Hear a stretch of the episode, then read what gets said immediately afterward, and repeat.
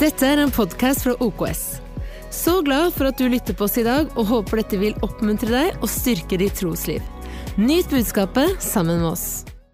Jeg skal lese en eh, tekst for deg her fra Markus evangelium, kapittel 5, og fra vers 21 til og med vers 36. Jeg hører det gnitrer i bibelsidene. Er det flere som har med Bibel? Få høre litt. Ah, det er uh, The sound of crispy Bible pages. Det er noe av den beste lyden en predikant kan høre. Det er uh, lyd av forventning og um, tro. Så det er bra. Markus 5 og vers 21 så står det sånn her. Da Jesus hadde krysset over med båten til den andre siden igjen, samlet en stor folkeskare seg om ham. Og se, en av synagogeforstanderne kom. Han het Jairus. Da han så ham, falt han ned for føttene hans. Han ba ham sterkt og inderlig og sa, Min lille datter ligger på det siste. Kom og legg hendene dine på henne, så hun kan bli helbredet og få leve. Da gikk Jesus med ham, og en stor folkemengde fulgte ham og trengte seg om ham. Nå var det en kvinne som hadde hatt store blødninger i tolv år. Og hun hadde lidd mye under mange leger. Hun hadde brukt opp alt hun eide, uten å bli bedre. Det ble heller verre med henne. Da hun hørte om Jesus, kom hun bakfra i folkemengden og rørte ved kappen hans. Hun sa, hvis jeg bare kan få rørt ved klærne hans, blir jeg helbredet.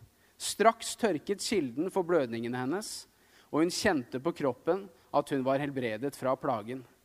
Jesus, som straks kjente i seg selv at en kraft gikk ut fra ham, snudde seg i mengden og sa, 'Hvem var det som rørte ved klærne mine?' Men disiplene hans svarte ham, 'Du ser mengden som trenger seg rundt deg, og du spør, 'Hvem rørte ved meg?' Han så seg omkring og fikk øye på henne som hadde gjort dette. Kvinnen kom redd og skjelvende, vel vitende om det som hadde hendt henne, og falt ned foran ham og fortalte ham hele sannheten. Han sa til henne, 'Datter, din tro har frelst deg. Gå i fred og vær helbredet fra din plage.' Mens han ennå talte, kom noen fra synagogeforstanderens hus og sa, 'Din datter er død. Hvorfor bryr du mesteren mer?' Med det samme Jesus hørte ordene som ble talt, sa han til synagogeforstanderen, 'Frykt ikke, bare tro'. Jeg stopper der, men fortellingen den ender opp med at eh, Jairus' datter blir vekket opp ifra de døde av Jesus. Og I august i 2019 så holdt jeg en preken ut ifra den teksten her som jeg kalte for 'På vei mot bønnesvaret'. Jeg har ikke for vane å uh, markedsføre mine egne prekener. Men det er på en måte del én av, uh, av, det budskapet her. Sånn er det når du ikke er hovedpastor. Da kjører du en temaserie på to år. Så her kommer, her kommer del to. og, og, I den preken så fokuserte jeg mest på synagogeforstanderen Jairus og hvordan han fikk sitt, uh, sitt bønnesvar. Mens i dag så ønsker jeg å fokusere mest på den blodsyke kvinnen og hvordan hun fikk sitt gjennombrudd. Eh, og så er det noen elementer som du vil kjenne igjen fra den talen som, eh, som jeg nettopp fortalte deg om. Men samtidig så står den talen her på, på egne bein. Og hvis du vil ha en tittel på prekenen min, så har jeg valgt å kalle den for 'Konkret tro'. Konkret tro. Du skjønner det at Gud han vil at min og din tro den skal være substansiell og håndpåtagelig. Han vil at det skal være noe fast og, og bestemt og noe konkret eh, ved den troen som han lager i oss ved sitt ord. Og Før vi skal se på eh, hvordan konkret tro opererer og skaper endring i, i våre liv, så ønsker jeg at vi først bare tar en liten analyse og ser på hva var det som gjorde at eh, f.eks. Jairus eh, fikk så konkret tro at han er en i mengden som sier til Jesus, 'Jesus, kan du komme og legge dine hender på min datter?' Hun ligger på sitt siste. Kan du komme og helbrede henne? Hva var det som skapte den troen i Jairus? La oss se litt på, på det og gå til punkt én her. Og det har jeg valgt å kalle for at troen den blir konkret når du ser. Det står om Jairus i vers 22 og 23 så står det om Jairus da han så ham. Jeg vil du skal legge merke til det. Da Jairus så ham, altså han så Jesus, da står det at han falt ned for føttene hans og ba han inderlig. Så kan du se, det starter med at Jairus han ser Jesus. Han får øynene, øynene sine på Jesus. Og du skjønner det at når du og jeg ser Jesus, så begynner øynene dine å se med tro på dine omgivelser. Når du ser hvem han er, når du ser hva han vil, når du ser hans kjærlighet, når du ser hans nåde, når du ser hvem han er, så ser han deg i din tro. Og Det er ikke sånn at eh, Jairus' situasjon endret seg med en gang han så Jesus, men det var begynnelsen på at Jairus begynte å se på sine omgivelser på en annen måte. Det begynte med at han så Jesus. Og du skjønner, Når vi ser han, så, når vi ser hans nåde, så ser han vår tro. Når vi ser hans kjærlighet, når vi ser hans godhet, så ser han troen i oss. Og, og du skjønner, det å tro det er et synonym i Bibelen for Unnskyld, det å, det å se. Det å se er et synonym for det å tro. Det er egentlig bare et annet ord for det å tro. La oss lese Feserbrevet 1, vers 15-19, en forbønn som apostelen Paulus gjør for menigheten i Efesos. Og Veldig interessant og lærerikt å se hva er det han ber om når han ber for menigheten som han var pastor og apostel for. Jo, han ber det her, Efeserbrevet 1, vers 15-19 så sier Paulus dette. Derfor holder jeg ikke opp med å takke Gud for dere når jeg husker på dere i mine bønner. For jeg har hørt om deres tro på Herren Jesus og deres kjærlighet til alle de hellige. Jeg ber om at vår Herre Jesu Kristi Gud, herlighetens Far, må la dere få en ånd som gir visdom og åpenbaring, så dere lærer Gud å kjenne. Må Han gi dere lys til hjertets øyne så dere får innsikt i det håp han har kalt dere til, hvor rik og herlig hans arv er for de hellige, og hvor overveldende stor hans kraft er for oss som tror. Kan du se at Dette er ikke en bønn hvor Paulus ber for menigheten. Gud, forøk deres tro. Nei, han sier, 'Jeg takker Gud for den troen dere allerede har fått'. Så, så troen var på en måte et faktum. Så hva er det han ber om? Jo, han ber Gud åpne opp øynene til kirken for det de har fått ved sin tro på Jesus Kristus. Og du skjønner, Her sier Paulus åpne opp øynene, gi lys til hjertets øyne for håpet vi har fått, for kallet vi har fått, og hvor rik på herlighet arven er som vi har fått i Jesus Kristus. Og du skjønner, vi har fått en arv. Paulus sier det i teksten her, hvor rik og herlig hans arv er for de hellige. Er du klar over at du er en arving? Du har arvet vanvittig mye ved troen på Jesu død og oppstandelse. Du er en arving. Men, men vet du hva? Jeg, jeg vet ikke om du har arva noe i det naturlige før, men, men, det er jo faktisk sånn at det, det er først når, når, jeg og du får grep om hva er det jeg har arva, som, som faktisk gjør at arven blir konkret. Hva, hva hjelper det å, å, vite at du er en arving, hvis ikke du vet hvor mye du har arva? Ja, jeg er en arving, flott, liksom, men, men hvor, hvor mye er det, da? Det er først da du kan begynne å hente ut konkrete ting fra arven din. Kan du se det? Og du skjønner, Sånn er det også med den arven vi har fått ved vår tro på Jesus, den, den, må vi se inn i. Og når vi ser inn i denne herlige, rike arven som Paulus snakker om her, da kan jeg og du bli konkret med troen vår og plukke ut fra skattkista. Du skjønner, Det hjelper ikke å ha fått en stor skattkiste hvis den er låst. Men når Guds ord og Den hellige ånd åpner opp lokket på den arveskattkista, så kan du gå og plukke ut og bli konkret med din tro. Og hente ut det som du har fått ved troen på Jesus Kristus. Du har fått visdom, du har fått kraft, du har fått kjærlighet, du har fått håp du har fått tro, du har fått helbredelse. Du har fått så ufattelig mye. Det er en rik og herlig arv som vi har fått ved troen på Jesus. Og det å se inn i den arven, det gjør at vi kan bli konkrete med troen vår. Jeg husker jeg hørte en historie en gang, en sann historie. Noen av dere har sikkert hørt meg fortelle den før. Men jeg syns den er veldig illustrerende i forhold til det her. En kjent predikant som heter Charles Spurgeon, som noen av dere har hørt om. Han eh, drev og ridde rundt på en hest i, eh, i eh, Storbritannia og holdt tusener på tusener eh, på prekener. Og En dag så kom det noen og, og spurte han om eh, han ikke kunne komme og besøke en dame som holdt på å dø av, eh, av underernæring. Hun bodde i en trehytte av ei rønne langt inne i skogen. Eh, fattig. Eh, huset er falleferdig, eh, og hun holder på å dø av underernæring. Og han sier yes, jeg kan, jeg kan dra og besøke denne dama. Og han eh, setter seg på hesten, rir inn i skogen, og så begynner han å prate med dama, viser omsorg og snakker. og så Under samtalen så får han øye på et et dokument som er ramma inn, som henger på veggen i denne slitne trehytta. Og hun er beinmager. Hun holder på som sagt, å dø av underernæring. Og så sier han til den dama du, hva er det dokumentet som henger på veggen der. Og så sier hun at du vet hva, jeg, jeg kan ikke lese, så jeg, jeg, vet faktisk ikke hva det er. Men uh, jeg fikk det av noen som jeg jobba for en gang. Jeg jobba som en sånn tjenerinne hos noen som var veldig rike og velstående. Og så fikk jeg det her av dem. Uh, men jeg kan ikke lese. Du, kan jeg, eh, sier Charles Spurgeon, kan jeg få lov til å ta med det her til noen som er sakkyndige, og, og sjekke det ut? Ja, det er greit, sier dama. Så han eh, stikker inn i byen og tar det med til noen sakkyndige. Og de undersøker det dokumentet her. Og så sier de til Charles Burgeon at vet du hva, du kan hilse dama og si at hun er søkk rik, for dette her er et testamente. Hun hadde arva en vanvittig stor sum med penger.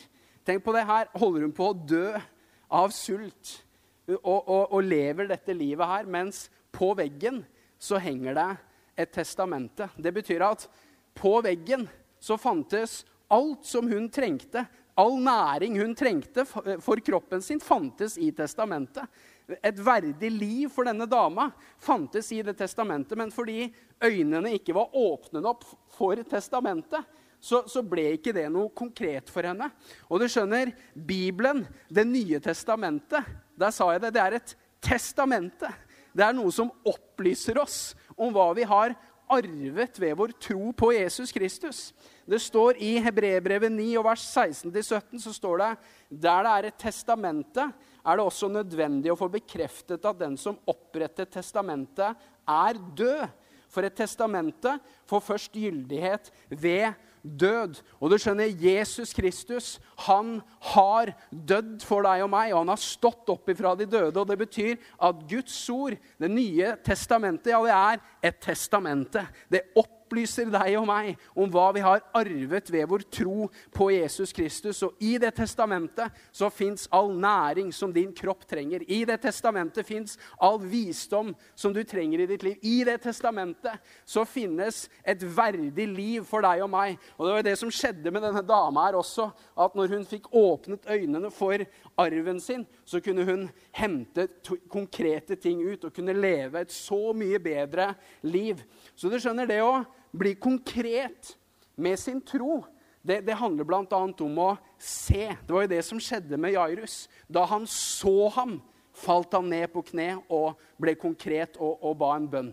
Og du skjønner, Det samme gjelder deg og meg. Når vi ser inn i vår arv i Jesus Kristus, så kan jeg og du også begynne å bli konkrete og substansielle og ha en fast og målretta, spesifikk tro og hente ut det som vi har fått ved Jesus Kristus. Amen. Amen. La oss gå til punkt nummer to. La oss snakke litt om at Gud responderer på konkret tro. Og når vi leser den hendelsen her, så ser vi det veldig tydelig. Det er noe det er noe i Guds hjerte som blir bevega når jeg og du er konkret med troen vår. Og vi, la meg lese en gang til eh, begynnelsen på denne fortellingen. Og Da står det sånn her fra vers 21. Da Jesus hadde krysset over med båten til den andre siden igjen, samlet en stor folkeskare seg om ham. Og se, en av synagogeforstanderne kom. Han het Jairus. Da han så ham, falt han ned for føttene hans han ba ham sterkt og inderlig og sa, 'Min lille datter ligger på det siste. Kom og legg hendene dine på henne, så hun kan bli helbredet og få leve.' Og se hva vers 24 sier. Da gikk Jesus med ham. Så få med deg hva som skjer. Jesus han sitter i båten. Det er det fortellingen starter med å si. Jesus sitter i båten og krysser sjøen. ok? Så her har han kryssa sjøen. Hva er neste etappe i fortellingen? Jo, en stor folkeskare samler seg omkring han. Og så står det Se! Synagogeforstanderen Jairus var der, så én i mengden var Jairus.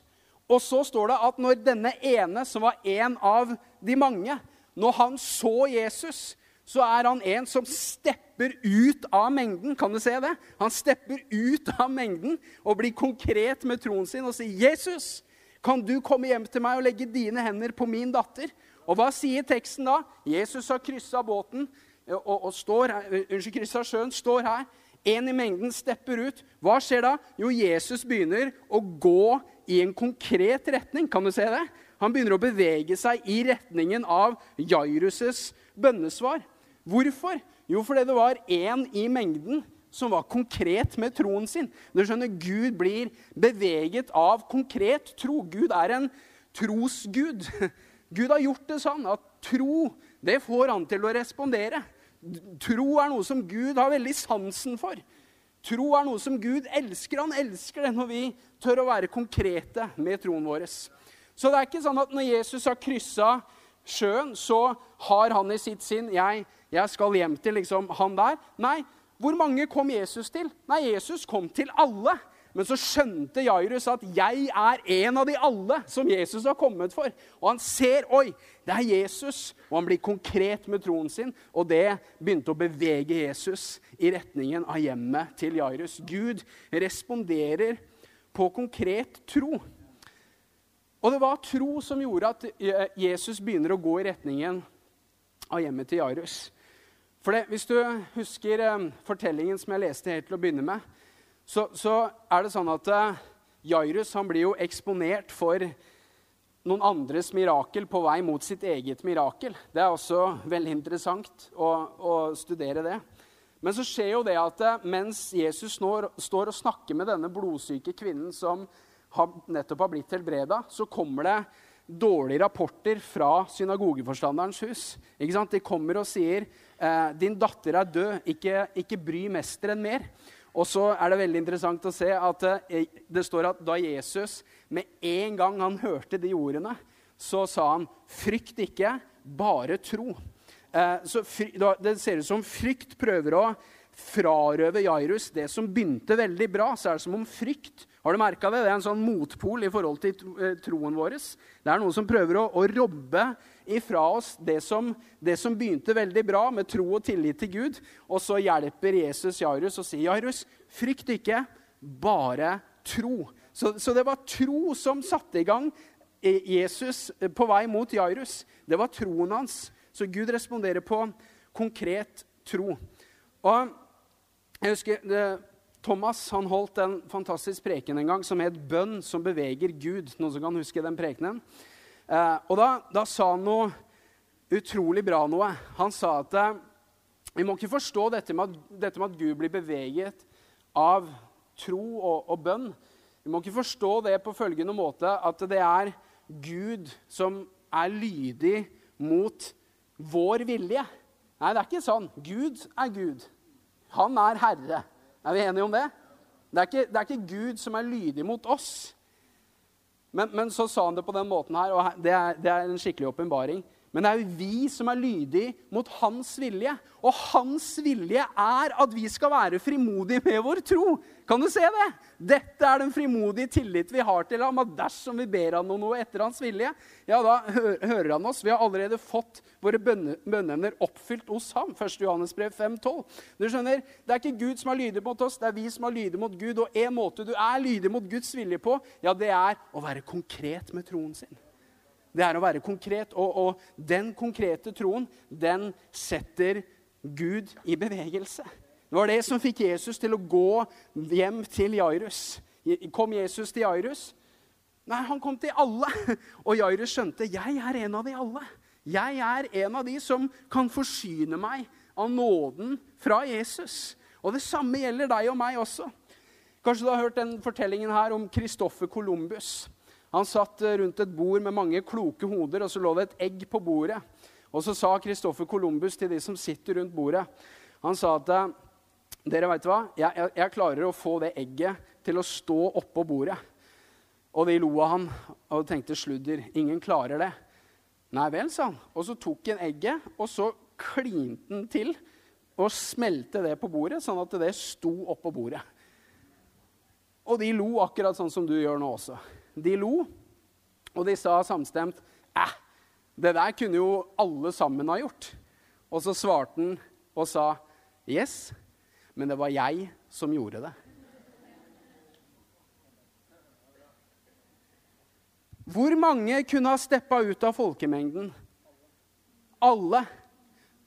Men det var Jairus som gjorde det. Og noen skal få steppe ut i dag. Og du skal få steppe ut i dag og skjønne du er ikke bare mengden Nei, du er en i mengden som skjønner Jesus, han er for meg. Hans kjærlighet er for meg. Det er som med apostelen Johannes som skriver i sitt Johannes evangelium. Det står kun i Johannes evangelium. Har du sett det? det står 'den disippel som Jesus elsket'. Har du sett det? Det kan virke litt rart å liksom skrive, skrive, det i sitt eget evangelium. Men, men, men spørsmål elsket Jesus Johannes mer enn Peter, Jakob og de andre disiplene? Nei, hva er det han gjør for noe? Han personifiserer Jesus' kjærlighet til seg selv. Og, og når han skulle skrive at han var en av dem, så skrev han 'den disippel som Jesus elsket'. Så hva er det han gjorde? Jo, det var jeg som gjorde det. Han personifiserte det til seg selv. Og det kan du og jeg gjøre også. Det kan du og jeg gjøre også. Og jeg påstår, jeg skal bevise det for deg, det var flere enn Jairus i den folkemengden som var, behov, for eksempel, som var i behov av helbredelse. Garantert. Og hvordan veit jeg det? Jo, for i den folkemengden Husk på det er en mengde. Hvor mange veit jeg ikke. Kanskje like mange som vi er nå. Kanskje flere. Sjuke mennesker fins det overalt. Men husk på, i den mengden så var det en blodsyk kvinne. Husker du vi leste om henne også? Hvor, hvor kommer hun ifra? Hun er en del av den samme mengden. For det som skjer, det er jo at når Jesus begynner å gå hjem til synagogeforstanderens hus, så følger hele folkemengden etter. Er du med meg her? En hale av folk etter Jesus som trenger seg rundt Jesus. Ok, la oss, la oss, lese om det. Det står sånn her i Markus 5, og vers 24-29. Dette her er fantastisk. La oss lese. Det står Da gikk Jesus med ham, og en stor folkemengde fulgte ham og trengte seg om ham. Nå var det en kvinne som hadde hatt store blødninger i tolv år, og hun hadde lidd mye under mange leger. Hun hadde brukt opp alt hun eide uten å bli bedre. Det ble heller verre med henne. Da hun hørte om Jesus, kom hun bakfra i folkemengden og rørte ved kappen, eh, ved kappen hans. Hun sa, 'Hvis jeg bare kan få rørt ved klærne hans, blir jeg helbredet.' Straks tørket kilden for blødningen hennes, og hun kjente på kroppen at hun var helbredet fra plagen. Så her ser vi en annen som er veldig konkret med troen sin. Jeg mener, Når du sier det ved seg sjøl, om jeg bare kan røre ved kanten av kappen til Jesus, så blir jeg helbreda, det er ikke et skudd i blinde. Eller liksom et, et, hagleskudd hvor du håper du treffer noe. Nei, det er et skudd midt i blinken. Kan du se det? Det er konkret. Hvis jeg bare får rørt ved kanten av kappa til Jesus, så blir jeg helbreda. Hva er det for noe? Det er konkret tro. Det er kon veldig konkret. Det er veldig rett på sak. Og hva skjer? Jo, idet hun rører ved Jesus, så går Guds helbredende kraft, som var Jesus var salva, han var smørt med Guds helbredende kraft. skjønner du. Og i det øyeblikket hun rører ved kanten av kappen til Jesus, så går den kraften inn i kroppen hennes og helbreder henne fra den blodsykdommen. Og hun kjente på kroppen sin jeg er helbreda. Det er deilig når Gud helbreder deg på en sånn måte at du kjenner det på kroppen din. At du blir helbreda. Det er sånn Guds helbredende kraft fungerer noen ganger, hvor du kjenner det, merker det der og da, at du blir helbreda. Og, og hva, er vi, hva, er det vi, observerer her? Jo, det vi observerer her, det er selvbetjening. Jeg vet ikke med deg, men jeg, jeg elsker å gå på restaurant. Jeg ser det, Trond Egil. Ja. Jeg elsker å lage mat. Jeg sier det i annenhver preken. Jeg er glad i mat. Jeg elsker å dra ut og spise. Og det er deilig når du, Når du er på restaurant, så sitter du der, og så blir du servert. Det er deilig.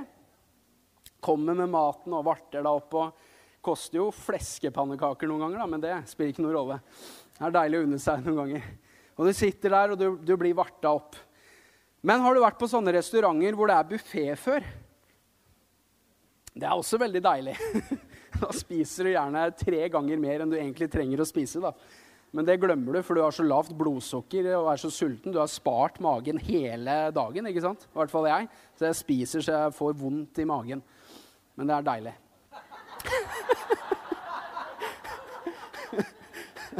det er deilig på en vond måte, hvis du, hvis du skjønner hva jeg mener. Men hva er forskjellen på å bli servert og, og, og på en buffé? Jo, når du er på buffé, hva, hva er det som gjelder da? Jo, da er det selvbetjening. Da står maten der borte, og så må du gå bort, og så forsyner du deg med det du vil. Det er ikke en servitør som kommer med maten til deg. Du går til maten og forsyner deg. Du skjønner, Den blodsyke kvinnen. Hva skjedde? Det, for, for, hvor er Jesus på veien? Han, han går med Jairus. hvor er Jesu ansikt vendt mot? Mot hjemmet til Jairus. Han går med Jairus. Jairus' konkrete tro satte Jesus i bevegelse mot hjemmet til Jairus. Og, og, hva skjer? Jo, fortellingen sier Jesus stopper opp. Han, han stopper opp, han sier, 'Hvem rørte ved meg?' sier han. Og disiplene sier, 'Hvem rørte ved meg?' Er, folk trenger seg om deg på alle kanter her. Og du spør, 'Hvem rørte ved meg?' Og, nei, og Jesus sier, 'Nei, jeg kjente en kraft gikk ut av meg.' Hvem rørte ved meg? Og så står det at han, han, han beveger øynene, han leiter etter, og så fikk han øye på hvem det var. Så spørsmål. Når Jesus er på vei mot Jairus, er det sånn at eh, Jesus bare stopper opp, og så zapp, så zapper han henne med sin kraft, liksom, og så snur han seg igjen, og så går han videre? Nei, det er hun. Kan du se det? det er hun, hun kommer bakfra, står det. Hun kommer bakfra, så Jesus sitt ansikt er ikke vendt mot henne, det er vendt mot Jairus' hjem. Hun kommer bakfra og sier, 'Hvis jeg bare kan få rørt ved kanten av kappen hans, så blir jeg helbredet.' Så, så hva er det for noe? Selvbetjening. Kan du se det? Hun forsyner seg. Og, og hvem som helst kunne forsynt seg. Men det var hun som gjorde det. Det var hun som gjorde det. Det var hun som var konkret med troen sin. Og så står det hvordan denne kraften gikk inn i, i henne. Du skjønner, Noen ganger så tror jeg vi, når vi leser om Jesus som en helbreder Det står f.eks. i Apostlenes gjerninger 10.38 så står det om hvordan Gud salvet Jesus med Den hellige ånd og kraft. Han som gikk omkring og eh, gjorde godt og helbredet alle som var underkuet av djevelen, for Gud var med ham. Det er en beskrivelse av hvordan Gud smørte, salvet Jesus med en helbredende kraft. Og Når vi leser et sant vers, så tror jeg vi noen ganger ser for oss Jesus nærmest som en sånn person som det bare stråler kraft ut av. sånn at overalt hvor han gikk, når det var mennesker rundt ham, så, så liksom healing, healing, healing. Alle bare blei eh, ukontrollert helbreda. Forstår du bildet mitt? Jesus bare går rundt, og det, bare, det liksom stråler ut av ham, og den, den, treffer alle. Men her forklarer Bibelen oss at eh, ja, det fins absolutt eksempler på hvor Jesus oppsøker mennesker og legger sine hender på dem. Men du skjønner, i den fortellingen her med den blodsyke kvinnen Jesus sine hender de er på vei til å bli lagt på en annen syk person. Og mens Jesus er på vei til å legge sine hender på en annen person, så kommer det en annen som er syk, og legger sine hender på Jesus, på klærne hans. Og den kraften den går inn, inn i henne. Så hva er det? Det er ja takk, begge deler. Men akkurat nå zoomer jeg inn på selvbetjening. Det går an til å forsyne seg. Ved din tro så går det an til å forsyne seg av Guds helbredende kraft. Du kan røre ved Jesus ved din tro. Og hans kraft er her og nå. Jesus er her. Ved Den hellige ånd så er Guds helbredende salvelse og kraft den er her og nå. Og det går an til å røre ved den kraften på en sånn måte at du blir helbreda i kroppen din. Amen. Og Gud responderer på konkret tro. Jesus han sier, hvem, 'Hvem er det som rørte ved meg?' La, la, la oss bare lese Jesu reaksjon her. Markus 5, vers 30-34. Så står det Jesus som strakk kjente i seg selv at en kraft gikk ut fra ham, snudde seg i mengden og sa, 'Hvem var det som rørte ved klærne mine?' Men disiplene hans svarte ham, 'Du ser mengden som trenger seg rundt deg, og du spør, 'Hvem rørte ved meg?' Han så seg omkring. Se her. Han så seg omkring. Han fikk øye på henne som hadde gjort dette. Kvinnen kom redd og skjelvende, vel vitende om det som hadde hendt henne, og falt ned foran ham og fortalte ham hele sannheten. Se hva Jesus sier til henne. Han sa til henne, 'Datter, din tro har frelst deg. Gå i fred og vær helbredet fra din plage.' Så ifølge Jesus, hva er det som helbreda denne dama? Jo, Jesus sier, 'Din tro har frelst deg'. Og Jesus spør hvem er det som rørte ved meg. Disiplene sier, 'Du spør hvem som rører ved deg.' Eh, alle rører ved deg, Jesus. Nei, men det var noe spesielt ved denne kvinnens berøring. Det er som om folkets berøring det var bare sånne tilfeldig dulting borti Jesus. Men denne kvinnens berøring det var en troens berøring. Det var hennes tro som rørte ved Jesus. Og Jesus leiter etter henne. Og, han, han, og, og han, han, finner ut av hvem det er, og så velsigner han henne og sier, 'Datter, jenta mi, din tro har frelst deg. Gå i fred og vær helbreda fra din plage.' Han oppmuntrer henne og sier, 'Veldig bra gjort', sier han. 'Veldig bra at du turte å være konkret ved troen din.' 'Så bra, jenta mi, at du forsynte deg av meg.' Jeg velsigner deg, jenta mi. Gå og vær, helbred, gå vær helbreda. Vær fri fra plagen din. Tommel opp. Og du skjønner, Guds helbredende kraft den kan sammenlignes litt med Guds naturlige kraft. Hva er det for noe? Jo, det er elektrisitet. Det er Guds naturlige kraft. Og den har eksistert på denne planeten fra skapelsen av. Det er ikke sånn at når mennesket oppdaga elektrisiteten, så skapte Gud elektrisiteten.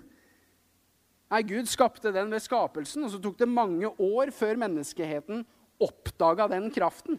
Og oppdaga hvilke lover er det som styrer denne kraften. Og, og, hvis du reflekterer litt over det, oppdagelsen av elektrisiteten og hvordan vi mennesker kan bruke den og lede den, det har jo forvandla verdenshistorien og snudd den opp ned. Bare tenk over det, hvordan, hvilket liv vi hadde levd hvis vi ikke hadde oppdaga elektrisiteten og ikke lært oss hvordan, hvilke lover som styrer og leder den kraften. Det har forvandla hele verden. Og, og, på samme måte på samme måte er det også med Guds helbredende kraft. Den er her. Den er her her og nå. Og vi trenger å lære oss hvordan samarbeider jeg med den, hvordan opererer jeg med den, sånn at jeg får den til å virke i meg. Kan du se det? Se for deg det her da, hvis, hvis det er helt mørkt i salen her, og jeg kommer inn, og så er det helt mørkt. Og så tenker jeg hm, det, har det vært strømbrudd her? Vi får, vi får slå på tråden til Hafslund. Ja, Hei sann, eh, Trond Egil Lunde fra OKS her. Eh, du, Det er, helt mørkt i salen vår her. Vi skal ha gudstjeneste om eh, en time her. Det er helt mørkt. Har dere slutta å servere strøm, liksom? Har det vært strømbrudd? Uh, nei. Uh, har du prøvd å skru på bryteren? Å oh, ja, jeg må trykke på bryteren, ja. Og så går jeg og trykker på bryteren, og det ble lyst. Spørsmål var elektrisiteten her før jeg trykka på bryteren. Den var lagt inn i strømledningsnettverket. Den, den, lå der latent hele tiden. Men så forløste jeg elektrisiteten, og det skapte en endring i det rommet her. Og du skjønner, Guds helbredende kraft, den er her, den er nå, og det går an til å tappe inn i den kraften ved din tro. skjønner Du Du kan røre ved den kraften ved troen din og forsyne deg, sånn at den kraften ikke bare blir sittende i, i ledningsnettverket til, til, til, kirka, nei, sånn at den dras ut og får lov til å gjøre en jobb i deg og lege deg og helbrede deg. Ved troen din kan du røre ved Jesus. Du kan forsyne deg, Så her er en preken som handler om selvbetjening. Og vi skal gjøre det om, om noen få minutter her, så skal vi praktisere det. Og vi skal forsyne oss eh, av den, den kraften, for den er her den er nå. Din tro har frelst deg, sier Jesus. Det var troen hennes som fikk dette til å skje. Så fram til det tidspunktet så var den helbredende salvelsen som var over Jesus, den var på en måte inaktiv og passiv helt til hun ved sin tro rørte ved Jesus. Og da står det Jesus kjente i seg selv at en kraft gikk ut fra ham. Han spør, 'Hvem rørte ved meg?' Det var meg. Og Jesus sier, 'Din tro har frelst deg'. Gå og vær helbreda fra din plage. Hun forsynte seg av Guds helbredende kraft. Hvor fikk hun denne troen ifra? da? Jairus fikk den ved å se Jesus. Jo, det står i vers 27 her. Markus 5 og vers 27. Så står det Da hun hørte om Jesus. Da hun hørte om Jesus. Du skjønner, troen, hva kommer den av? Troen kommer av forkynnelsen en hører. Og forkynnelsen en hører, kommer ved Kristi ord. Romerbrevet 10 og vers 17. Så kommer da troen av det budskapet en hører. Og budskapet kommer av Kristi ord. Legg merke til at det står så kommer da troen av det en hører. Hører. Ikke hørt det. Hører. Rr. Kan du se hvor viktig det er å høre godt etter? Høre og lene ørene inn i ordet. Hva skjer? Tro kommer til deg. Og jeg er overbevist om at i denne gudstjenesten her, i løpet av de få minuttene vi har hatt nå, så har noen av dere merka det. Troen har kommet til deg. For det tro, det kommer. Det kommer av det du ikke hørte. Ah, been there, done that, got the T-shirt. Nei. Hører. Hører. Hører. Og vet du hva? Hun dama hun hørte om Jesus. Så hun, hun er en del av folkemengden. Og i den folkemengden så foregår det en snakkis. Det snakkes om Jesus i det reisetoget. Hun hører om Jesus. Hun hører og Jesus han er en helbreder. Jesus er på vei til, til hjem til Jairus og skal legge hendene sine på henne. Og så dere, så dere hvordan Jesus følte? Jesus han er en helbreder. Og hva, hva står det om kvinnen? Jo, hun hørte om Jesus. Og, og, og det, det, nådde ørene, og det, det, nådde hjertet. Og det skapte, det stimulerte, det laga tro i denne dama. Som gjorde at hun skjønte Oi, jeg kan også være en i mengden som forsyner meg av Jesus. Kan du se det? Så, og, og vet du hva, det er nydelig å være en del av et reisetog og ha et reisefølge i livet sitt der det snakkes om Jesus. For du skjønner det at Når jeg og du er en del av et miljø som, hvor det snakkes om Jesus, hvem han er, hva han kan, kan hva han vil. Vet du hva som skjer da? Du blir smitta av tro, skjønner du. Du skjønner, Konkret tro, det er veldig smittsomt. Det er utrolig smittsomt å være sammen med mennesker som har en konkret tro. Jeg har lyst til å hedre deg, Øyvind Ramslien, min gode venn. Vi jobber sammen på bibelskolen. Øyvind Ramslien han er en av de i staben på bibelskolen vår som har smitta staben med en skikkelig konkret tro eh, på ting som har med helbredelse å gjøre, og ting som har med Den hellige ånd, å gjøre. Og, og du, skulle, du, skulle, bare visst hvor mange konkrete rapporter vi har fått fra elevene. Eh, og det å være rundt deg, Øyvind, når du snakker om konkret tro, det smitter. Det, det har en smitteeffekt, skjønner du. Jesus han sier hva to av dere blir enige om på jorden, det skal dere få av min far i himmelen. Det er noe med enighet. Enighet, hva er det for noe? Det er konkret. Det er ikke et skudd i blinde, men det er, det er noe håndgripelig. Det er noe fast, det er noe målretta, det er noe spesifikt, det er noe konkret. Og, og, og, det å være en del av et reisefølge som, som snakker om hva Jesus kan gjøre, det, det, det, det, smitter oss. Det er ikke bare koronavirus som er smittsomt. Nei, du skjønner, troen som kommer fra Jesus, den smitter oss. Den, den smitter oss. Og så kan vi være konkrete, og så kan vi se at Gud han responderer på den konkrete troen. At vi kan forsyne oss av Jesus ved vår konkrete tro. Og, og du skjønner det at det, tro, konkret tro, det, det smitter. Bare la meg dele den, den, erfaringen her.